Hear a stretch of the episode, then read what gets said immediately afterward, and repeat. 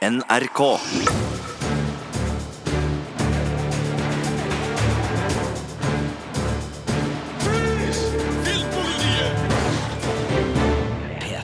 Velkommen til Filmpolitiets podkast. Tusen takk for at du har tatt deg bryet med å laste ned denne herligheten av en pod i studio i dag. Meg selv, jeg introduserer meg selv først. Marte Hedenstad. eh, Og Sigurd Vik. Takk. Eh, Det er jo ikke alle som laster ned, Marte. Det går jo an å strømme Ja, du kan strømme, du kan uh, Det er en fantastisk fremtid. Du kan også strømme. TV-serier eh, og Ja. filmer på diverse strømmetjenester. ok, Takk for at Ja. du hører på, da. Tusen takk for at du hører på. Ja. dagens podkast skal i stor del vies en eh, ny eh, Jeg holdt på å si ny norsk serie, Eh, men det, det, og det er en grunn til det. Men det er en ny amerikansk Netflix-serie som heter Maniac, som har premiere i dag. Eh, men den er basert på en norsk eh, serie. I dag. Eh, I dag. Eh, Som er- Ute på Netflix. I dag, hvilken dag i dag? Ja, eh, sånn er det i podkast. Den er ute nå. Ja. eh, det kan vi si. Den er ute nå. Ja. Eh, det er Jonah Hill, det er Emma Stone, og det er massevis å, å snakke om. Og så er det jo selvfølgelig også sånn at det har skjedd noen nyheter. Spesielt i Marvel Cinematic Universe har det kommet mm -hmm. noen ting som vi er nødt til å prate litt om. Eh, og så er det jo selvfølgelig kinohelg. Der har du vært på kino, Marte. Yes, jeg har sett eh, norsk rusdrama Når jeg faller. Eh, fin filmnavn. Ja, og så har vi eh, ikke med oss Birger Vestmo i denne podkasten, men på slutten av podkasten så har vi allikevel juksa det til, sånn at han kommer for Yes. å snakke om de to andre premierefilmene, nemlig skrekkfilmen The Nun. Og uh, den ikke fullt så skrekkelige Månelyst i Flåklypa. Uh, den uh, gleder vi oss til å høre Birger snakke om. Så det er det vi har nå, men vi starter altså på seriefronten med Maniac.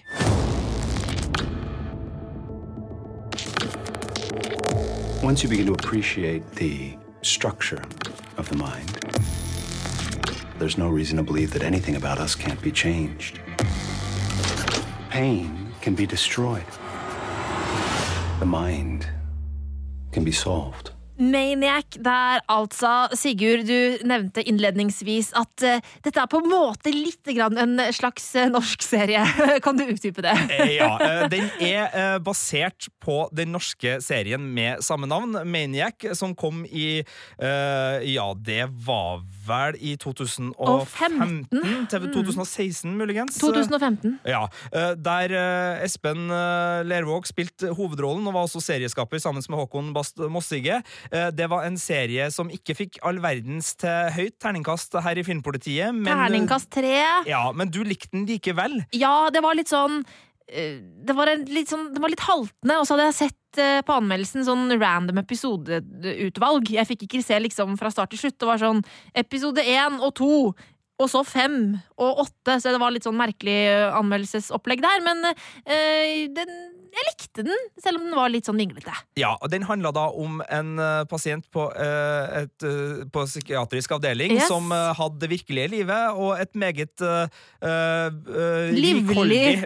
fantasiliv. Så handlinga foregikk da mellom de to, og det var både vennskap og, og en slags kjærlighetsinteresse der også inne i bildet. Og det var en, en liten kamp om, om det som foregikk inni hodet da til, Ja. til Espen, var vel navnet på hovedrollen? var ikke? Riktig. Ja. Uh, den amerikanske serien er uh, basert på, men ganske løst basert på den norske serien. Det er eh, nye ting som foregår her, og jeg vil si uh, hvis den ligner og minner om noe, så er det vel kanskje mer Legion-serien, eh, altså superheltserien som ikke er en superheltserie, eh, av Noah Hawley. Og som, den er jo eh, dritbra! den er dritbra, der og ting også foregår inne i et hode, men denne gangen så er det ikke på eh, noe mentalsykehus eller psykiatrisk, psykiatrisk anstalt.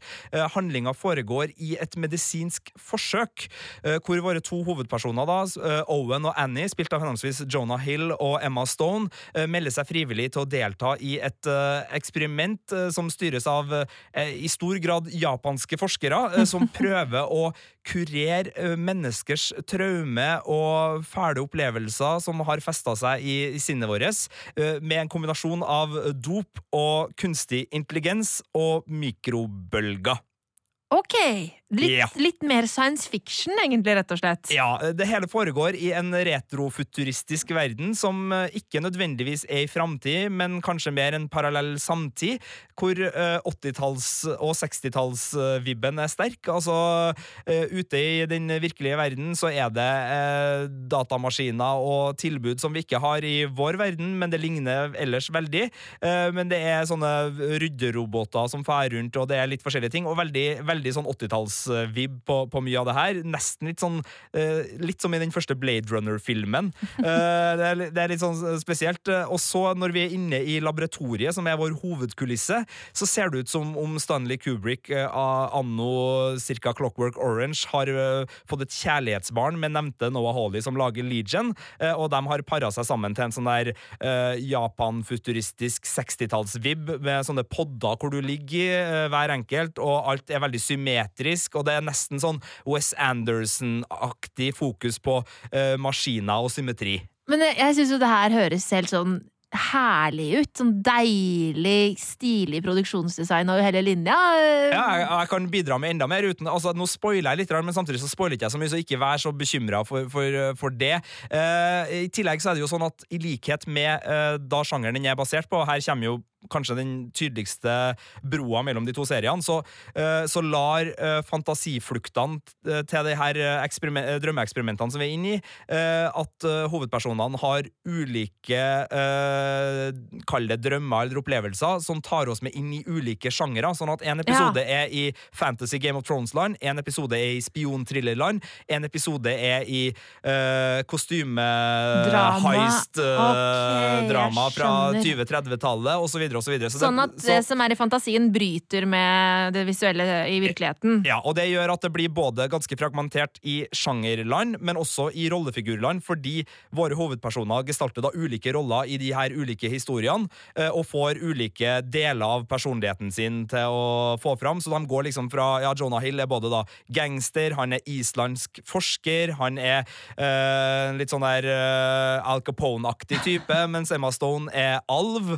Hun er Ja, ikke sant? Du, du skjønner, det, det er mye her som Det, Ja. det, det er mye kreativitet inni bildet her. Men det jeg lurer litt på, fordi i, i da, den norske originalserien så er det sånn at um, Espen uh, lever jo da sitt liv i dette psykiatriske sykehuset, uh, og disse fantasiene han har, foregår jo da par parallelt med virkeligheten. Altså, han går rundt på sykehuset og lever ut en fantasi.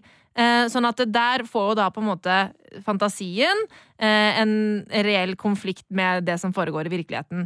Um, eh, det var noe jeg for øvrig ikke syns fungerte så bra, for jeg syns ikke den balansen var god nok i originalserien. Men hvordan er det her? Altså, sitter de kobla til et apparat og bare er i drømme, eller, eller får det noen som helst konsekvenser for det som skjer i virkeligheten? Eh, jeg vil ikke svare på det spørsmålet. Ok, for det blir Eh, spoilet. men eh, konsekvenser er det selvfølgelig alltid. Marte Ok, Hedenstad. greit. Eh, Ja. Men jeg vil ikke jeg, jeg føler at jeg har sagt mer enn nok på, på handlingsplanet. Okay. Bortsett fra at jeg ikke har snakka om det som er vel så viktig, nemlig de som driver eksperimentet. For det er nemlig en salig blanding av forskere som har sine personlige problemer, som har sine utfordringer, som da står bak det her eksperimentet. Både en, eh, to japanske forskere og en amerikansk forsker. Eh, og det er spesielt da den amerikanske forskeren spilt av Justin Theroux, kjent fra annet Leftovers, som er eh, kanskje det en blanding mellom kanskje den mest uh, oppriktige og seriøse aktøren i det her universet, samtidig som han har rollen som comic relief uh, innimellom. Uh, så det her er snedig. Og ja, sjangermessig, altså det her er fjollete humor blanda med ekstrem sårhet og vemod og depresjontematikk og mental helsetematikk. Og det store spørsmålet som jeg i hvert fall sitter igjen med etterpå, er jo Hvis et menneske har dype traumer og dype depresjoner, eh, kan man og bør man kurere det medisinsk? Ja, ok. Eh, og hvis man kunne det, eh, hva medfører det? For det er nemlig eh, tre piller i dette eksperimentet, der eh, den ene skal identifisere, den andre skal kartlegge, og den tredje skal konfrontere.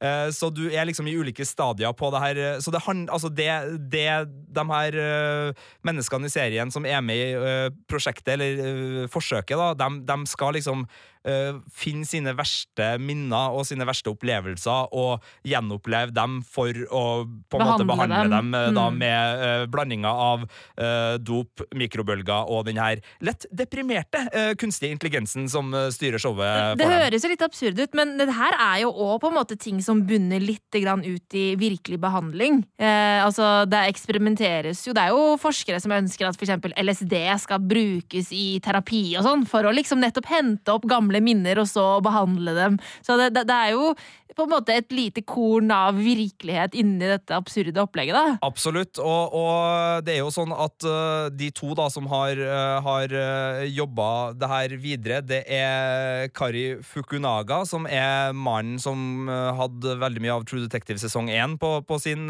sine hender, og også laga Beast of No Nation-filmen til Netflix. Han har regien på alle episodene, og så er det Patrick Somerville som har uh, behandla manuset her.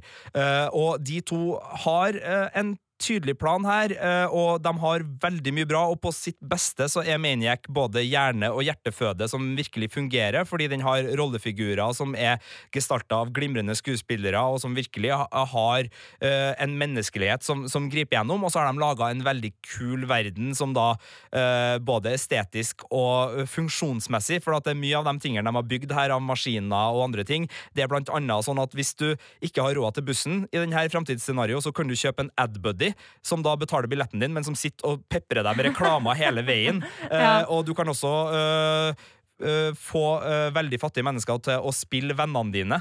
Uh, i en sånn der uh, proxy, her, proxy friendship. Uh, så det er litt sånn der, okay. lett dystopisk, men samtidig så tar den en del ting på kornet. Den jobber gjennom en del av de mekanismene vi har i samfunnet som vi på en måte kanskje ikke ser, men som Somerville og Fukunaga har fanga opp og gjort til poengtert humor med litt brodd da, i det her universet. Så det er veldig mye som fungerer.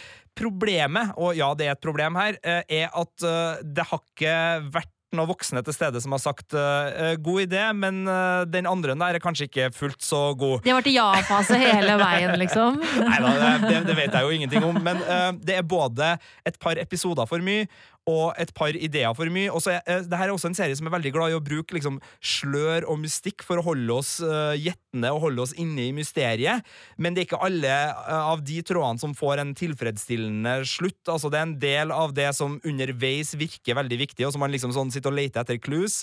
Og så er det egentlig ikke noe serien klarer mm. å lande på en god måte. eller en, en måte som, som, gir meg noe. Det er, sånn, det er helt greit, men, men det var ikke fantastisk. så så det er litt for mye av det gode, og, og spesielt uh, midtveis her, det er ti episoder, midtveis så, så, er det liksom Ja, det er en ny episode, og vi er i en ny verden, og det skjer nye ting med rollefigurene våre, men det er ikke veldig givende. Og mm. et problem er også at kjemien mellom Jonah Hill og Emma Stone, som etablert eh, som ble etablert for meg allerede i Superbad i, i 2007. De, de, hadde en veldig god kjemi der. Eh, og den, den, er til stede her også, men den, det, det, er ingen tjenester å hente uh, i og med at uh, både kulissene, sjangeren og personlighetene deres hele tida skifter. Så, så, de får liksom ikke noe drahjelp der til å skape den der, uh, den der det der sentrumet i serien da, som en god vennskapsrelasjon kan skape. Altså, I hvert fall i litt sånn sår indie-type sjanger, så er ofte det der vennskapet mellom to personer ofte mer dyptgående enn overfladisk bekjentskap. Altså, det er et eller annet umiddelbart og, og dyptpløyende som, som fører dem sammen, og som holder også serien eller filmen sammen. Og det skjer egentlig aldri her. Altså, de to rollefigurene blir litt for mye på hver sin kant. Selv om det er en uttalt uh, kjemi, så syns jeg ikke mm. den kommer ut mer enn øyeblikksvis da, uh, ut av skjermen. Og det gjør det litt kjedelig til tider, for da er det liksom ikke noe overhengende som, som, som sørger for at jeg er fullstendig skrudd på gjennom hele serieopplevelsen. Men, men, eh, periodevis så er det her rett og slett bare helt fantastisk kreativ eh, fjernsynsunderholdning. Eh, sånn virkelig minneverdige øyeblikk, og spesielt når det gjelder det medisinske eksperimentet og hvordan det er bygd opp, og reglene for det, og dem som utfører det. Eh, Sally Field har også en sentral rolle i det her. Det er glimrende skuespillere som, som virkelig får lov til å leke seg, og som eh, tydeligvis går, i hvert fall, i hvert fall for de som jobber på, på eksperimentsida, så er det skuespillere som virkelig koser seg eh, foran kamera. Det, det vises, det er, en, det er en energi der som er fantastisk. Så vet ikke jeg om Jonah Hill og Emma Stone eh, egentlig klarer å nå den nivået, men det er litt fordi det, det er litt fragmentert, det vi får fra dem, selv om de spiser mesteparten av skjermtida. Men eh, nei, det, det er det er en serie som eh, krever at du er opp for det eksperimentelle, og som krever at du er litt velvillig innstilt, og som egentlig nok også krever at du har sett en del film og serier. eh, For å liksom ikke bli for forvirra eller for ja. opphengt. For at Hvordan da? Nei, Den hopper jo mellom sjangere på en veldig Men må du ta liksom alle sjangerreferansene for å kose deg med det? Du må ikke det, men det hjelper at du vet eh, Ja. hvor vi er, og hvilke regler som gjelder i de ulike sjangrene. Og, og det, det, hjelper, altså det er også en del nikk og vink, vink og referansehumor til både sjangrene de opererer innafor, og til, til andre ting. Så, så, så det hjelper på. Altså det, jeg vet ikke om jeg ville ha Unnskyld, mamma. Jeg vet ikke om jeg ville anbefalt den serien her til min mor, for eksempel, som stort sett ser krim og uh, Downton Abbey og The Crown.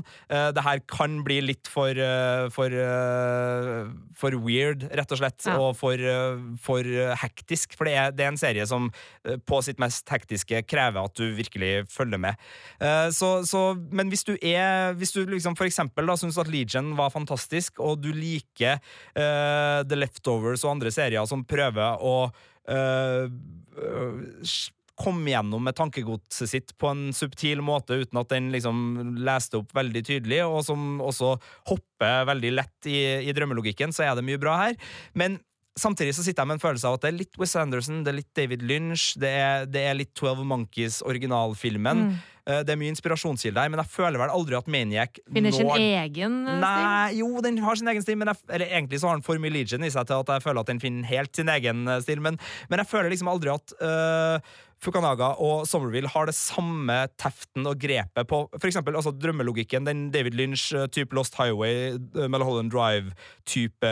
Du finner elementer av den inni her, måten på en måte ting henger sammen på, symboler, går over i ulike drømmer og, og sånn der, men jeg syns ikke de har samme intuitive feelingen for sånne ting som det Lynch har. Jeg blir ikke liksom, jeg får ikke den samme sånn ja, det der kjennes riktig. Altså, det er mer anstrengt, eh, og, og Wes Anderson har også et mer naturlig øye for uh, symmetri og maskiner i, i skjønn forening i bildeutsnitt. Og Noah Hawley har også mer teft på hvordan sinnets irrganger kan visualiseres på spektakulært vis i en serie. Altså, så, så, så jeg kjenner De det er litt- etteraper ting som har gjort det bedre før Nei, jeg vil ikke si etteraper, fordi det, blir, det blir å redusere Det er jo det du sier! Nei, jeg sier ikke Jeg sier bare at uh, jeg har sett det de gjør bedre hos andre, men de prøver jo ikke å etterligne.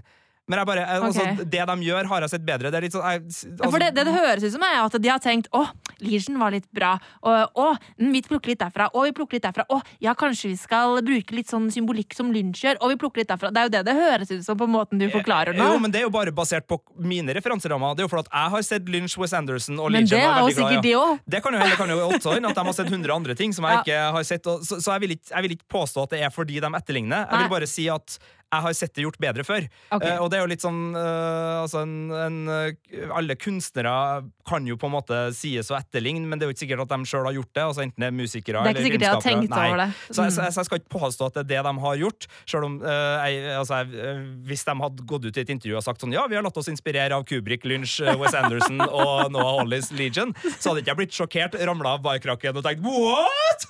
Men, men jeg skal ikke være den som påstår at det, det er kopiering her. Fordi okay. det, den har nok egenart, og historia er jo øh, en, en veldig artig og fiffig grep. Og der syns jeg de har tatt utgangspunkt i den norske Maniac og skapt en veldig øh, fin vri på den historien. Altså, de har, øh, altså det er øh, psykiatrisk helsevesen det er involvert her. Altså, det er ikke sånn at det er helt fritt. Det er ikke men altså selve måten øh, verdenene skifter på, har de løst på, på veldig fint vis. Ja. Så, så jeg liker veldig mye av det her.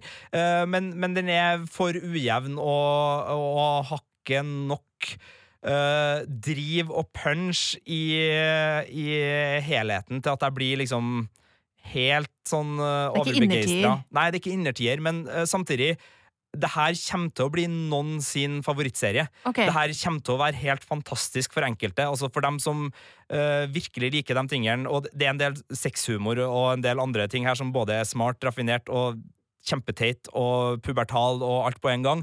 Og det kan jeg kjenne igjen at jeg liker, eh, og, og derfor så, så, vet jeg at det er andre der ute som sannsynligvis også kan eh, Spesielt VR6 uh, i den serien der. Jeg har en, uh, ja. Er det bedre enn i Demolition Man? det er Altså, det bedre Er det bedre enn i Demolition Ja, det er bedre enn i Demolition Man. Det er mye bedre enn i Demolition Man. Det er faktisk uh, så bra at jeg vurderer å anskaffe meg Nei men nei, det, det her er, det er veldig mye artig her. Og uh, det her er jo en serie som uh, jeg øh, så veldig tidlig, og det gjorde jo du at den fikk både slakt og øh, voldsom skryt. Mm. Og jeg kan skjønne begge deler. Jeg kan skjønne at hvis man øh, syns at det blir for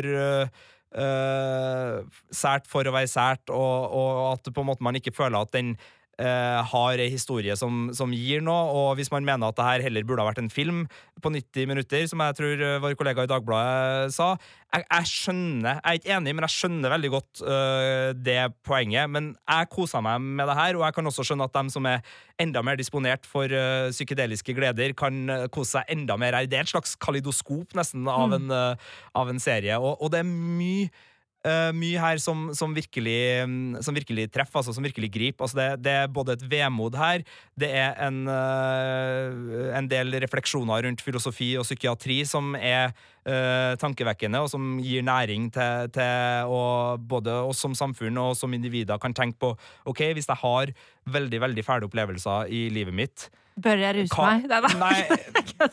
Selvfølgelig en del av Men altså, det er sånn, hva gjør det med meg, Ja. og hvor Mm. ligger de opplevelsene egentlig? Og uh, hvilke beskyttelsesmekanismer har jeg sjøl bygd for Ja. at jeg ikke skal håndtere det?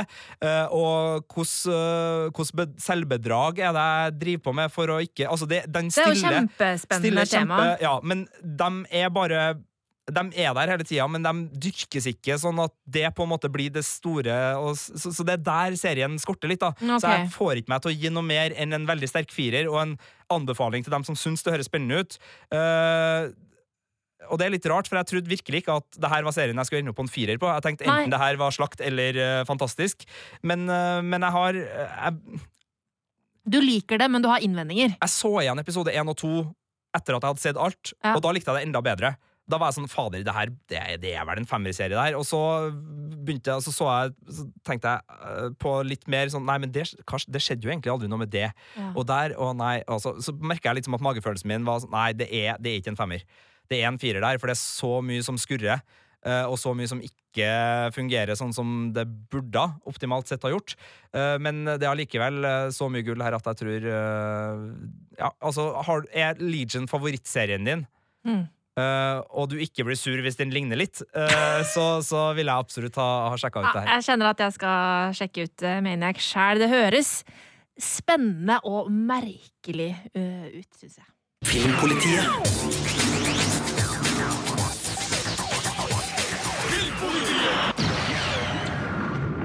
Men du, Marte, Mm. før vi forlater uh, Maniac helt, okay. så kom det jo en nyhet i går. Ja!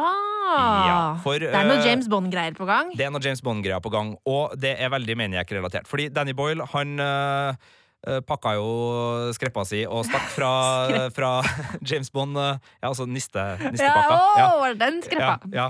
Herlighet. Marte Henstad. Jeg så hva du tenkte. Fytti. Eh, ja. uh, han uh, sa opp på Han skulle ha regi på bånd nummer 25. Eh, han uh, gidda ikke det. Så har det liksom vært i limbo. Det har vært masse navn kasta rundt omkring. Men i går så kom da navnet på den nye regissøren, og det er jo Kari Fukunaga. Ja. Regissøren av Maniac og da Beast of No Nation. Jeg elsker at du, bare, at du bare dropper mellomnavnet hans, fordi at det sikkert er veldig vanskelig å si! Det der er, det der er interessant.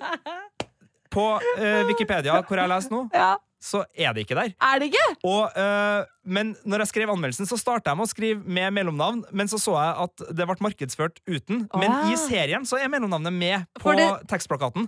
Yo, Yoji, Joji, uh, Yoji, uh, Yohi. Vi Ja. vet ikke. Ja. det er Kari Yoshi, eller Yohi Fuka, Fukunaga, Ja. øh, som er det hele. Men okay. i hvert fall, han er den nye regissøren for Ja. James Bond uh, nummer 25. Og det er jo veldig er- kult. Ja, jeg tror det, fordi uh, om jeg ikke elska alt med Maniac, så var det ikke noe tvil om at det her er en regissør som har eh, Altså- egenrådighet og visuell teft, og Mm. eh, han er i en eh, kreativ raptus her som, som virker spennende. Eh, og måten han jobba seg gjennom de ulike sjangrene på, var kanskje ikke helhetlig fantastisk, men her viste han virkelig bevis på at han beherska Mm. eh, både flere av de mer actionbaserte sjangrene. Riktignok ikke på det budsjettet han kommer til å få i James Bond, så det er jo spennende å se hva, hva mer penger vil, vil gi her. Men han er en, eh, en fyr som har et veldig godt øye, og som eh, gjennom True Detective og Maniac nå også viser et veldig spenn i, Ja, jeg- i hva han eh, mestrer. Ja, jeg, også, og ikke minst Beast of No Nation. Ja, men jeg lurer på hva, hva av hans uh, tidligere verk er det som har gjort at han har fått den Bond-jobben? Det, det, altså, det er jo ingenting av dette som minner om noe som helst eh, Bond-aktig. Idris Elba var jo aktuell som Bond. Altså nei, nei det, det er for så vidt uh, sant, det. det. Men Danny Boyle også er jo en regissør som ville ha gitt oss en Ja. Mm. annerledes Så det kan jo hende at de tenker at uh, ok, det er kanskje Daniel Craig sin siste opptreden som Bond. Uh, Det er en eh, film som allerede er litt i, i eksperimentell fase, fordi Mm. manusforfattere har kommet og gått, og det har vært litt eh, turbulens. Så kanskje de tenkte at ok, Fukunaga virker å være et talent som kan gjøre fantastiske ting. Eh, Vi tar en råsjans. Uh, og så spørs det om Ron Howard ender opp med å ta over da, uh, om et års tid. Eh, På grunn, av, var- eh, på grunn av eh, hva er det de kaller det? Artistic differences. ja, nei, jeg håper ikke nei, det, For det er jo problemet. Altså, nå blir vi begeistra Ja, fordi det er eh, Litt nytt og en annerledes. Ja, og så er det en stor filmfranchise som tør å gå for noe nytt. Men hver gang en stor filmfranchise har torra gått for noe nytt de siste årene, så har de jo endt opp med å kaste ut det nye og gått for noe gammelt eh, og trygt og, og kanskje litt traust. Så vi får se da om eh, Brokkoli-gjengen og resten av Bond-produsentene klarer å, å holde seg til regissøren denne gangen. Men, eh, men spennende er det i hvert fall at eh, det blir en eh, Bond-film i starten av 2020, og at Fukunaga får muligheten til å prøve seg. Eh, og så er det jo sånn at eh, Og nå skal jeg ta en Bond-overgang til den neste nyheten vi skal snakke litt om òg. Okay. Fordi eh, Tom Hiddleston, Mm. han var jo Bond-aktuell en periode. Altså, eller har vært et sånt det, navn. Altså, det har jeg tenkt alt Altså, det var helt weird. Syns du det? Ja! Han er Ja. Altså, han Du jeg, så det med The Night Manager? Ja, men han er jo ingen Bond! Nei. Vi skal heldigvis ikke snakke noe mer om Bond, da, så det kan vi, men det var bare for å komme en overgang. Fordi Han er jo Loke. Uh, han er Loke i Marvel Cinematic Universe, og uh, denne uka så kom det en nyhet om at uh, eh, Disney Mm. ønsker å lage eh, miniserie av eh, Loki og Scarlet Witch. Eh, til Disney sin strømmetjeneste, som da skal lanseres eh, det er vel i 2019 eh, en gang. og da håper de jo at de får med da skuespillerne, som da er Elisabeth Olsen, som spiller Scarlet Witch i MCU, og Tom Hiddleston, da, som spiller uh, Thors Ja. ikke biologiske bror, men eh, ste Ste- stebror. Stebror. Ja, Ja. i det. Adoptivbror, Uh, ja, kanskje. egentlig. Ja, ja, Ja. det er vel det. Ja.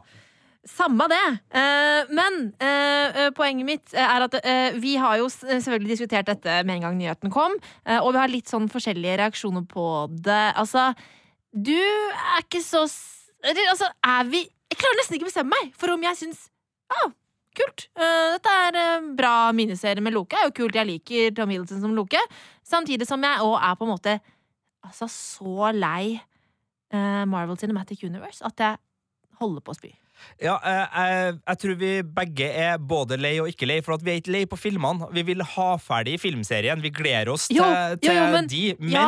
eh, alt det andre, Det og mengden nå! Altså. Daredevil eh, altså, okay, jeg har, ikke, Iron Fist. jeg har ikke sett den siste Iron Fist-sesongen. Jeg bare orsker ikke å begynne på den. Jeg så ikke ferdig Jessica Jones. Jeg stoppa etter sånn elleve episoder på sesong to. Jeg er fortsatt bare halvveis gjennom Luke Cage, liksom. Ja. Altså sesong to. jeg kjenner at det er et, uh, en metningsgrad her nå som, som er i ferd med å, å bli ikke problematisk, men både på Star Wars Og det her er jo Disney i et nøtteskall. da Både Mm. Star Wars nå og Marvel Cinematic Universe er i ferd med å pøse ut så mye. De dreper det.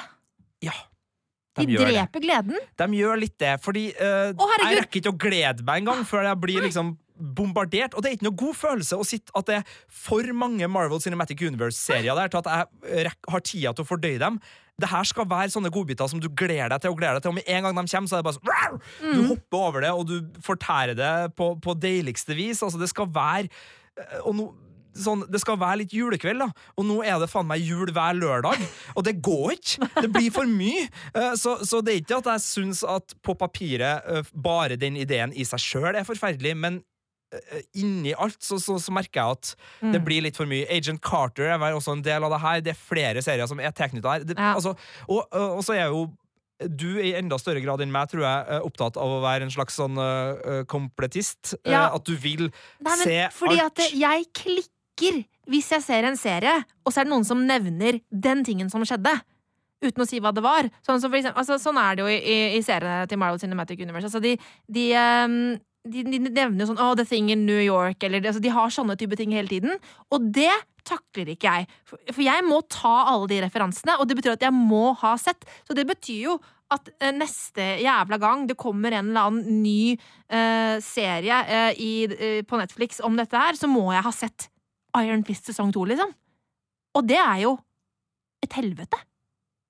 For oss som er sånn bygd, så er det det. Så Ja. kan man selvfølgelig si at jo, jo, men altså, alle de der seriene dere snakker om, har jo egentlig ikke noe med filmserien å gjøre, sånn egentlig. Nei, men at de, de, de, de, sniker det inn med sånne små Ja. drittkommentarer, og det irriterer meg altså noe så inn i granskauen. Nå blir det veldig mye banning her. Sorry, det er fordi jeg ble provosert. Ja. uh, så uh, vi er vel da uh, positiv til Uh, serien i seg Ja, og så er det jo bra at det er miniserie. Ja. Det er jo bra. Altså limited series, det er jo kjempebra.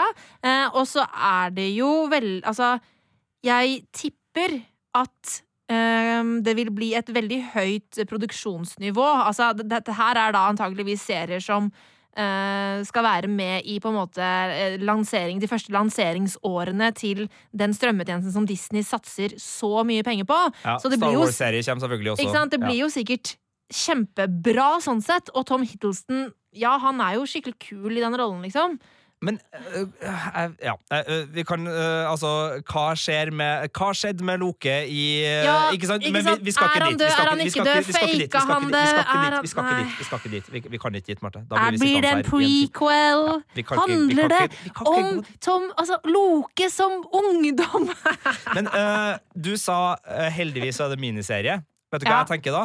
Jeg tenker Det er sånn cirka like troverdig som han der øh, alkoholiserte onkelen din som i familieselskapet sier 'Jeg skal bare ha to øl i kveld, jeg, fordi øh, det går bra.' Og det her blir en helt fin kveld, altså. Jeg skal bare ha to øl, og det blir ikke noe galt. Og så, så 17 øh, akevitt seinere, så ligger han i grøfta her. Altså, Det kommer jo til å bli mer hvis det blir en suksess. Ja, det er sant. Altså, uh, Big Little Lies vant beste miniserie for Emmy i fjor. Det har vi snakka om tidligere. Mm. Det er irriterende, for med en gang en miniserie er stor nok eller suksessrik nok til at en eller annen idiot oppi nettverkene skal tjene seg noen kroner ekstra, Ja. så driter de jo i at uh, fansen kanskje egentlig var tilfreds med at det var ferdig, og at det var en Mm. fin historie når den slutta sånn. Da pøser de jo på med mer. Og det her er jo allerede pøser på med mer-land, er så jeg har ingen tiltro til at de kommer til å nøye seg med noen jævla miniseriebegrensninger. De kommer til å sitte sørpe dritings på barnebordet om ca. to år og pøse ut mer Marvel-miniserier eh, på strømmetjenesten sin. Nei, jeg gleder meg til Disney sin strømmetjeneste. Jeg beklager til barnebordet til fulle ja, onkler der gjør vi det? Gleder vi oss til Disney sin strømmetjeneste?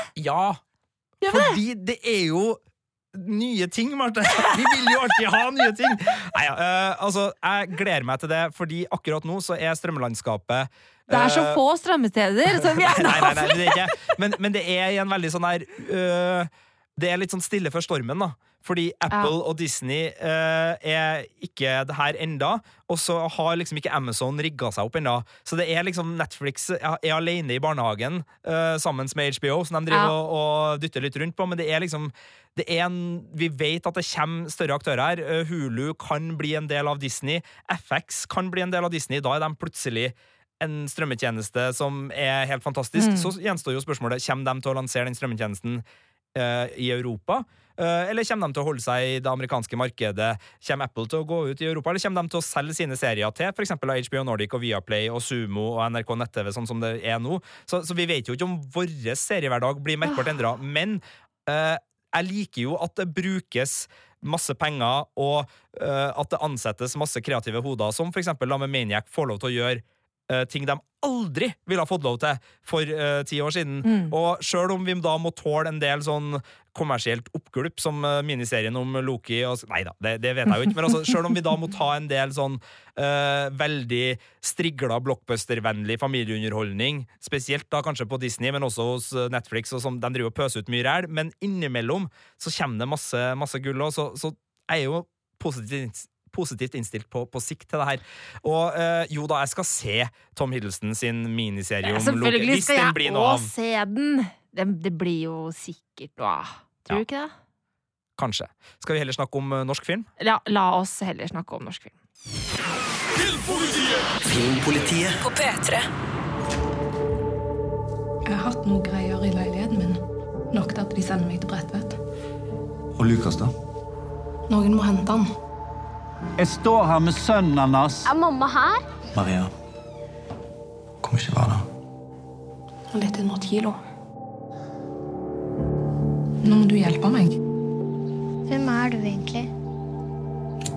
Fra uh, Marvel Cinematic Universe og superhelter og det som måtte ære, være, så skal vi da altså over til dette som er uh, noe mer uh, stillferdig og sobert, nemlig den norske dramafilmen Når jeg faller. Um, og det her er jo en um, eksamensfilm. Eh, Faktisk, eh, fra den norske filmskolen. Og det er da eh, Da altså regidebuten på spillefilm, da, for Magnus Meyer Arnesen. Um, og Den har kinopremiere i den er ute Den er på ute. kino! Ja. Og hvis du hører på uh, på en fredag, som tilfeldigvis er i dag, så er den ute i dag. Ja. Eh, Hvis du hører på senere, så er den allerede ute. Når jeg faller, altså. Det handler da om eh, Joakim, som uh, lever et slags uh, dobbeltliv. Han, er, han har vært på avrusningsklinikk tidligere. Um, og, men nå er han tilbake liksom i livet sitt og er på jobb og eh, har en sånn der betinget uh, dom hvor han må liksom pisse på kopp hver uke og sånn. Um, og gå til psykolog og så videre. Eh, Men han jukser jo på pisseprøven og driver jo Han har falt tilbake på da den På russtien og driver med heroin. Um, Så han er på en måte en slags ja, halvfungerende eh, rusmisbruker. Eh, men han sliter da plutselig med å takle dette livet når han får litt mer ansvar for noen andre enn seg selv. Eh, for det viser seg at eh, Maria, som er da en, et, et, fra et tidligere forhold til Joakim, eh, plutselig eh, blir eh, bura inne i fengsel, og da må Joakim for første gang i livet sitt ta vare på sønnen, som han ikke engang husker hvordan ser ut. Ja, og da regner jeg med det her ikke er forviklingskomedien hvor han leter etter Nei. sønnen sin uten å vite hvordan han ser ut, og fer fra kjøpesenter til kjøpesenter. Nei, altså, Nei. Han, han leter etter sønnen sin uten å vite hvordan han ser ut, om å få de andre barna i klasserommet til å peke ut uh, hvor sønnen er. Så det er en ganske sånt uh, vondt uh, øyeblikk. Men det her er på ingen måte noen forviklingskomedie. Det her er en veldig sånn realistisk og neppe fremstilling av eh, det å prøve å komme seg ut av rus.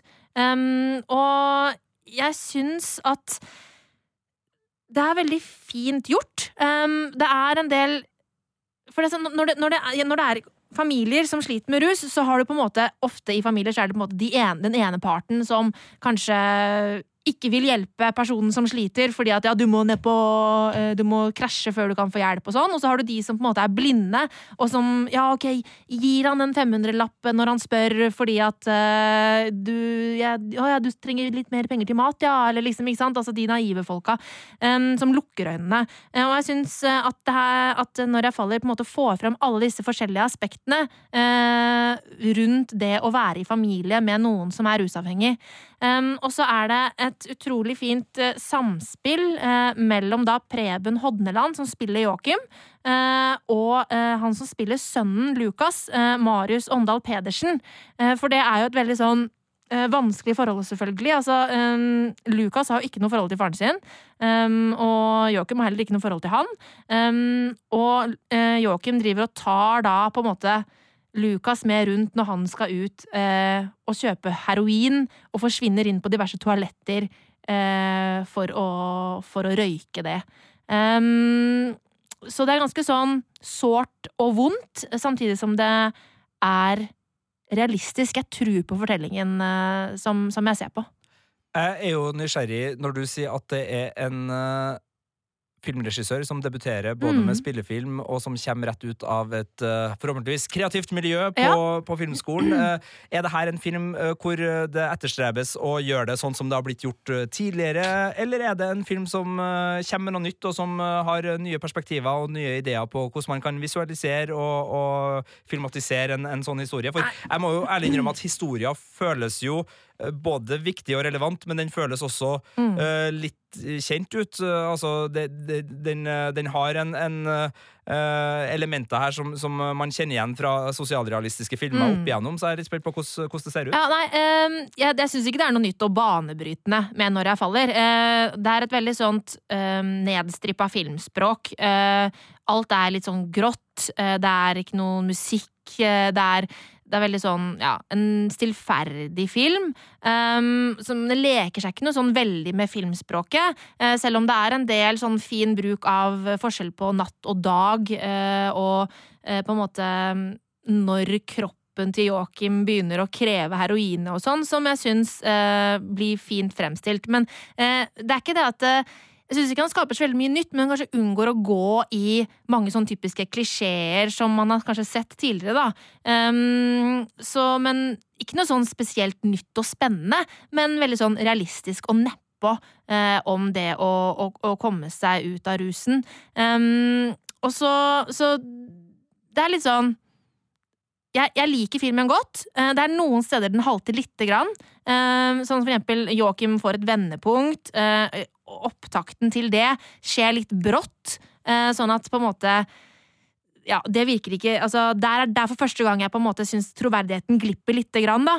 Um, Fiksjonstroverdigheten. eh, Fiksjonstroverdigheten. Um, og, men um, det er veldig mange fine øyeblikk her. Veldig mange såre øyeblikk. Um, og jeg syns også det uh, Vidar Sandem spiller faren til Joakim, um, og de har også en del sånne fine scener, for han er den liksom den naive som lukker øynene sine for det som skjer, samtidig som han inni seg veit eh, hvordan ståa er. Og jeg, syns han får ganske fint frem den der, det underliggende vonde. Um, sånn at um, Ja, det det er fint. Uh, men ikke så veldig nytt. Og da blir terningen Fire. en firer til Når jeg faller. Og absolutt en eh, Altså, det jo Dette her er jo en debut, og eh, på manusfronten så er det Magnus Meyer-Arnesen som da har skrevet den sammen med Christian Landmark. Um, og jeg syns de har får frem en veldig fin historie her, og absolutt en, en god eh, debut, altså.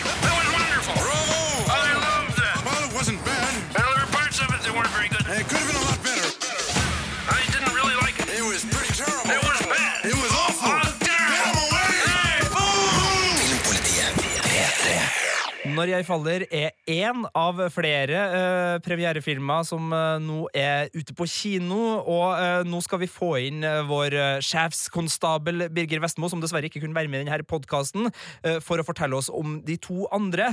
Det er nemlig sånn at det både er skrekk og familielykke på kino nå, da med The Nun og Flåklypa, typ månelyst i Flåklypa.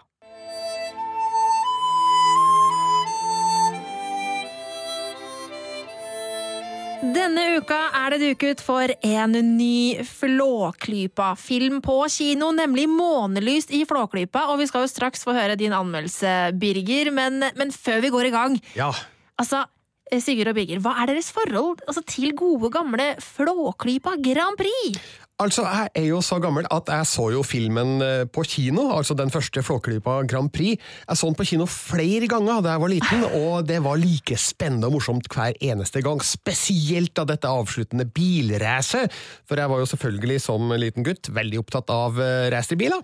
biler. og det var jo Flåklypa Grand Prix full av, og eh, dere husker sikkert den der scenen der de, eh, rett før de passerer målstreken, så eh, suser de ned en liten bakke. Ja, ja, ja. Og det ga et sånt vanvittig sug i magen, husker jeg, på kino. og Jeg gleda meg til det hver gang jeg så Flåklypa Grand Prix på kino. Å, herlig nostalgi, altså. Nå skal ikke jeg spoile nå, men det er en scene med Ludvig, som da er min favorittrollefigur i Flåklypa-universet, hvor han oppdager hva som er galt med racerbilen, og ofrer seg sjøl ved å hoppe ned i og holde opp en sånn rød Ja. eh, Ser ut som en eh, gryte, en diger gryte, eh, som sørger da for at Il Tempo Gigante får tilbake gnisten, bokstavelig talt. Min favorittscene. Jeg blir så glad hver gang jeg ser den. Og så er det jo sånn at øhm, ja, Nå er det dårlig gjort mot ø, nylig avdøde Burt Reynolds å si det her, men, men Flåklypa er kanskje den kuleste bilfilmen jeg vet om, og da vet jeg at jeg tisser på Smokie and the Bandit og verdens sprøeste bilrace og Burning-filmene Ja, og, og Fast and Furious, men jeg syns kanskje Flåklypa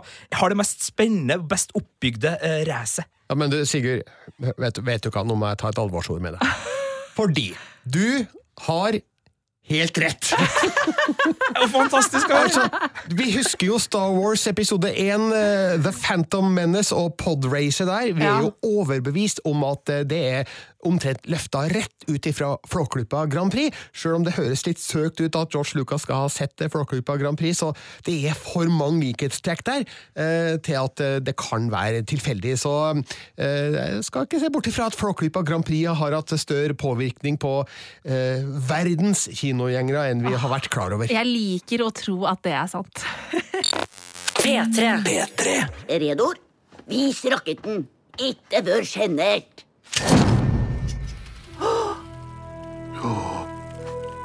Ja, den er ikke helt ferdig ennå, men her er i hvert fall Lapollo 0 med håndpussa profil, optimalisert for låg luftmotstand, høyt turtall og middels brannfare. Jeg kjenner jeg elsker å høre den derre litt sånn trauste, men gode stemmen til Reodor Felgen som forklarer ting. Ja, det er deilig bygdenorsk. Ja, herlig, altså. Eh, Månelyst i Flåklypa altså, har eh, kinopremiere i dag, og du har vært og sett, Birger. Ja. Eh, Jeg sa før låta her eh, at vi skal liksom sjekke om Månelyst i Flåklypa er like god som Flåklypa Grand Prix. Er det litt slemt? Det er så urettferdig å stille det spørsmålet, fordi den første filmen har jo hatt 42-3 år på seg til å bli det den er i dag. Mm. Men Månelyst i Flåklypa er en veldig kul film, altså. Det er jo den tredje i den eh, nye serien som eh, regissør Rasmus A. Sivertsen har stått bak. Stop motion animert, sånn som den første Flåklypa Grand Prix var, og jeg elsker det, rett og slett. Det er så hyggelig, koselig og morsomt og spennende, og så i tråd med forfatter og illustratør Kjell Aukrusts originale univers, for de som har kjennskap eh, til det. Så det her er på alle mulige måter en flott familiefilm, som jeg tror både de eh, godt voksne som husker gamle Flåklypa, og dagens eh, barn vil sette stor pris på, akkurat sånn som jeg gjør. Ja, og nå tror jeg vet svaret, men jeg må stille her spørsmålet likevel. Altså, det er jo noe som heter god til å være norsk, men altså, hvis du sammenligner denne Flåklypa-filmen også på et internasjonalt eh, familiefilmspekter, hvor man har Disney og man har Ghibli og sånne ting, er det også eh, toppnivå der, holdt jeg på å si, eller godt nivå der? Jeg mener at den holder et veldig høyt nivå, også internasjonalt. Og det som er spesielt da med disse Flåklypa-filmene, er at eh, de føles jo da veldig norske, fordi de er tufta på norsk eh, kultur som vi finner ut på bygda, og det finner du kanskje ikke akkurat maken til andre steder. Så eh, den forteller jo en historie som eh, på mange måter er global, i hvert fall månelyst i, i Flåklypa, eh, men som er tufta på lokal historie og lokale figurer, og sånn som vi, vi kjenner det fra Bygde-Norge. Så mm, jeg syns at jeg er fullt på høyde med det andre driver på med der ute i verden, da. Tittelen heter jo Månelyst i Flåklypa, så det, det, jeg skjønner at det, kanskje vi skal ut, eh, ut i verdensrommet her. Hva handler det om denne gangen? Ja, det er jo faktisk litt sånn som i Flåklypa Grand Prix, da, at eh, Reodor Felgen, Solan og Ludvig de skal bygge en farkost for å redde Norges ære, og ikke en bil nå, men et romskip. For nå er det sånn at eh, det er et sånt vindu på noen uker der eh, enhver nasjon kan kreve eierskap til månen. Eh, Det blir forklart i filmen her, så ikke tenk mer på det. Men i hvert fall så blir det plutselig om å gjøre å bygge en romrakett i en full fart og komme seg til månen og plante det norske flagget. Eh, Men så skal jo da denne romferden ikke gå helt som planlagt. Eh, Hadde vært litt kjedelig hvis alt gikk som smurt. Eh, Så her blir det både action og spenning og humor og litt sånn en dash av 2001 og Gravity og litt Apollo 13. Det høres veldig bra ut. Eh, Og det er jo en eh, morsom kombinasjon da med de her norske bygdefigurene. Eh, Det er jo tre rollefigurer du nevner der med Solan, Ludvig og Reodor, som er veldig eh, typete typer, med sine karaktertrekk og sine replikker som de er berømt for, og ikke minst sine gemytt. Eh, Hvordan fungerer de i denne filmen? Ja, altså, Vi husker jo dem fra Flåklypa Grand Prix og den der kameratslige dynamikken mellom dem, og den der tryggheten og hyggen og kosen, og den er absolutt på plass her. og altså, Det er jo noe av det som gjør disse filmene så fine å se på, er jo å, å se hvordan de tar vare på hverandre, og hvordan godheta rår. Og sjøl dem som er slemme i Flåklypa-universet, er jo egentlig gode. Sånn at det er veldig trygt og godt og flott. og Nei, Jeg liker det og koser meg når jeg ser på det her i kinosalen. Åh, jeg kjenner at jeg koser meg av å høre på at du snakker om det, så jeg tror jeg må komme meg på kino sjøl. Ja, En soleklar femmer til Månelyst i Flåklypa, og det her er jo altså da den tredje og siste filmen som Rasmus A. Sivertsen og Kvisten Animasjon eh, lager. og det er trist, fordi det, det her er for bra til å ta slutt. Så jeg håper at de tar opp igjen det her arbeidet senere, men jeg har jo også forståelse for at de kanskje har lyst til å gjøre andre ting eh, også da, i tillegg til Flåklypa. Filmpolitiet. P3.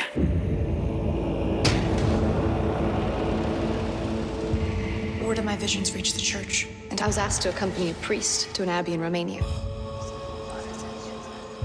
The Abbey has a long history. Valak. Not all good. What? Shouldn't you down? Callahan's here. Å, hei, herregud! Eh, Det der høres ut som noe skikkelig skumle greier. Eh, Hvis du var i tvil, det er Filmpolitiet du hører på. Birger, Marte og Sigurd i studio. Sa meg selv an, det, Sigurd, fordi jeg bare ble så satt ut av den lyden her. Birger, The Nun, du var den eneste som turte eh, å gå på kino av oss for å anmelde den. Eh, Sigurd og jeg var bare sånn nei, nei, nei, nei, denne skrekkfilmen skal vi ikke se. Nei. Men du er litt glad i skrekkfilm? Ja, jeg liker sjangeren. Jeg syns at det er gøy å gå i en kinosal og bare bli skremt, eller satt ut eh, litt. Og The Nun eh, gjør også det. Nå skal det sies at den har mottatt mye kjeft rundt omkring i verden, og eh, har fått en del slakt.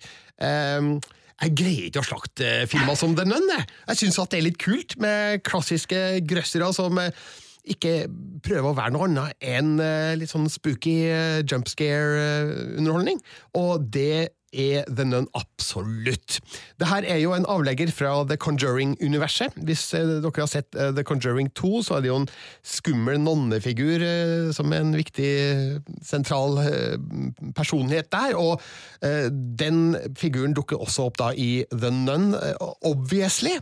Men handlinga er lagt tilbake til 1952, og et rumensk kloster som ligger veldig avsidesliggende til. Og der kommer da en fader, spilt av Demian Beshir, og en eh, søster, spilt av Taisa Farmiga, som da er søster av Vera Farmiga, som spiller da i de to Conjuring-filmene, så keep it in the family. Mm. De kommer da for å undersøke en nonnes sjølmord. Eh, Nonna skal jo ikke begå sjølmord, så er her, her må Vatikanet inn og finne ut hva har skjedd. Og de to finner ut at det er noe skummelt som lurer da i klosterets indre. En, eh, en nonne som eh, ser helt for jævlig ut. Ja, Jeg blir eh, nervøs, jeg. Men jeg merker jo, altså det, det, Den spiller jo på alt som er opplagt, holdt jeg på å si, og alt som er opplest og vedtatt som uh, creepy i denne filmen. Jeg hører når du nevner ingrediensene rumensk, kloster eh, og Vatikanet. Altså, fordi det er jo noe med den der det religiøse skal jo egentlig være det gode, det skal være det varme, det skal være det lune, det skal være det trygge, men som eh, eh, katolske prester har klart å bevise eh, også i virkeligheten, eh, det er ikke så trygt nødvendigvis i det her, og det, og det spiller jo på at når det da utrygge, når Satan omtrent da kommer inn i det her, så blir det trasig. Så, så det er jo mye opplagt her. Eh, jump scares er jo også ofte litt opplagt. Eh, Jeg bare er nysgjerrig, hva er det med The Nun som gjør at den funker likevel som underholdningsfilm for deg, når såpass mye av bestanddelene føles i hvert fall ganske kjent og kjært? Ja, altså Den har et uh, veldig gjennomført visuelt uttrykk, fabelaktig flott uh, filma, Uh, nifst lydsatt og med skikkelig creepy musikk. Og den skaper den der stemninga der du sitter litt sånn uh, utrygg i kinosetet og lurer på hva lurer bak neste dør eller sving eller busk eller tre eller whatever. Men så skal det medgis at historien er jo noe ræl, da. Altså, Den er basert på tøys og tull og masse klisjeer, og det er jo det den har fått mye kjeft og slakt for. Men jeg syns allikevel at The Nun greier å skape en sånn utrygg stemning som gir meg den rette følelsen der jeg satt og så filmen, og jeg er sikker på at de som har likt The Conjuring-filmene, vil eh, like så mye av det som foregår i The Nun. Eh, Men det er altså ikke nyskapende på langt nær, og det er mye som er tåpelig her, altså hvis vi skal begynne å gå nærmere inn på historien, som jeg kanskje ikke trenger her nå. Men eh, jeg syns at regissør Corin Hardy, som er kjent for eh, 2015-filmen The Hallow, han har laga en gjennomført eh, grøsser som gjør mye riktig, trykker på mange av de rette knappene.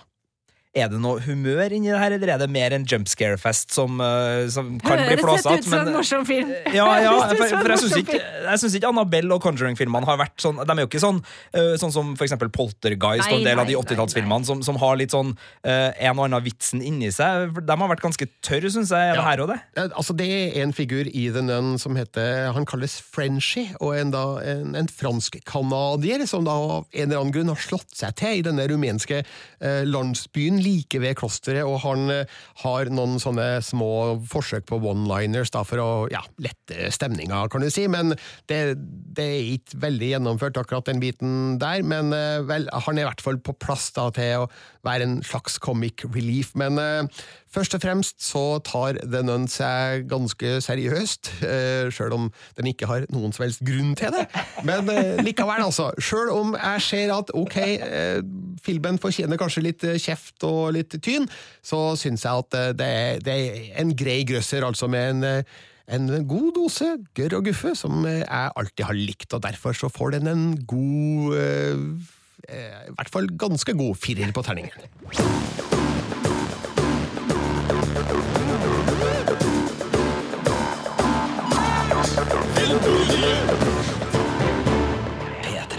Da har vi også kasta terninger etter TV-serien Maniac, som er ute nå på Netflix, kinofilmene Når jeg faller, The Nun og Månelyst i Flåklypa. Vi har ikke gleda oss så veldig mye til potensielle miniserier fra Marvel Cinematic Universe på Disney eh, sin nye strømmetjeneste. Eh, og så er det sånn at vi må eh, komme med et lite poeng før vi gir oss, og det er nemlig et konkurransepoeng, for vi har Oh, yes! En liten konkurranse eh, til eh, dere som hører på. Eh, muligheter til å vinne billetter til Nordiske seriedager sin uh, godkveld på onsdag. Uh, nå må du hjelpe meg. Blir det 26.? 27. september? Onsdag 26. september i Oslo eh, så kan du da få billetter til eh, nordiske seriedager, og der er det mange spennende folk eh, som, som skal. Altså Ingrid Bolse Berdal kommer for å snakke om hvordan det er å leve i ville Westworld. Og altså For Game of Thrones-fans så er det jo veldig gøy at Jeremy Podesva, som er Game of Thrones-regissør, tar turen for å snakke om hvordan eh, det har vært. Eh, og så blir det litt fra heimebane. Altså, det er veldig mange eh, spennende ting eh, om eh, serier og ja. Eh, jeg, vi skal, Sigurd og jeg skal. Og vi, Vi gleder skal. oss veldig. Ja, og vi vil eh, gjerne ha selskap av flere, så hvis det er noen der ute som har anledning til å være i Oslo på onsdagskvelden, og som har lyst til å fære på denne nordiske seriedagers uh, aften der, så er det bare å spise ørene nå, for vi har en veldig uh, grei og enkel konkurranse som du kan være med på. Spørsmålet er rett og slett Hvilken serie vant Emmy for beste komiserie tidligere denne uka, eller eventuelt forrige uke hvis du hører på over helga, altså Emmy 2018? Hvilken serie vant for beste komiserie? Og hvis du har det svaret, så er det bare å sende en e-post til filmpolitiet alfakrøll nrk.no, altså en e-post til filmpolitiet alfakrøll nrk.no med svaret ditt. Merk gjerne posten med seriedager i emnefeltet, og svar på uh, spørsmålet. Altså, hvilken serie vant beste komiserie under Emmy eh, 2018? Eh, når skal vi si fristen er? For det må jo være en frist. Ja, eh, vi Tirsdag? Si Mandag? Mandagsmorgen. Mandagsmorgen. Ja. Eh, 24. september, mandags morgen. Altså eh, før tolv. Før tolv mandags morgen, eh, så må du da ha svart. Da er vi på jobb. Eh, for da, Da er vi tilbake på da jobb. er vi på jobb. Eh, så, så kan altså billetter bli dine. Og det er to billetter, eh, Ja, så du vinner- kan ta med deg en venn. Ja, absolutt. Ta med en venn. Og det er en eh, fin greie som uh, det, og Snikpremierer, det er ja, Game of Thrones, det er eh, trailerfest med Per Sundnes, hvis du er glad i sånn. Og det, det er mye, mye artig der. Og også en snikpremiere på uh, Kilergata, som er TV2s uh, høstsatsing. Så det, det er mye artig. Det er for serienerder rett og slett bare en liten godbit. Og så må vi også ha med det er verdenspremiere på Le Byrå sesong Ja. Fire. Det er veldig Eh, kult. Den kommer på NRK nett-TV i oktober, men hvis du har lyst til å kjenne på troverdig etterretning allerede, så, så er det verdt å, å sjekke ut. Så masse artig. Bare gå inn på nordiskeseriedager.com for å se på programmet, og joine konkurransen vår hvis du har lyst til å være med det. Vi kommer også til å legge den ut på Instagram-kontoen vår, der vi er NRK Finnpolitiet. Hvis du har lyst til å sjekke den ut der, så får du tydelig beskjed om hva du kan gjøre for å være med i konkurransen. Eh, Det var vel det vi hadde fra oss denne uka. Neste uke så blir det veldig mye fra nordiske seriedager. Det er nemlig også eh, en del eh, gjester som kommer dit, som vi håper å kanskje få prata litt med. Mm. Vi skal selvfølgelig se alt det som er av nye seriegodbiter, som da vil gi oss forhåpentligvis innsikt og innblikk i hva vi kan glede oss til, og hva vi eventuelt ikke gleder oss til utover seriehøsten, når det gjelder både norske og potensielt andre bidrag. Så neste podkast blir en skikkelig seriespesial fra oss, Marte. Men øh, fram til da så er det bare å sjekke ut Maniac på Netflix, og eventuelt komme seg på kino, da, for der er det jo veldig artig å se både Flåklypa, og kanskje også la seg skremme av The Nun. Eh, hvis du ikke foretrekker da eh, sosialrealisme, eh, i så fall så er du også dekket opp der. Absolutt. Du finner flere podkaster på p3.no podkast.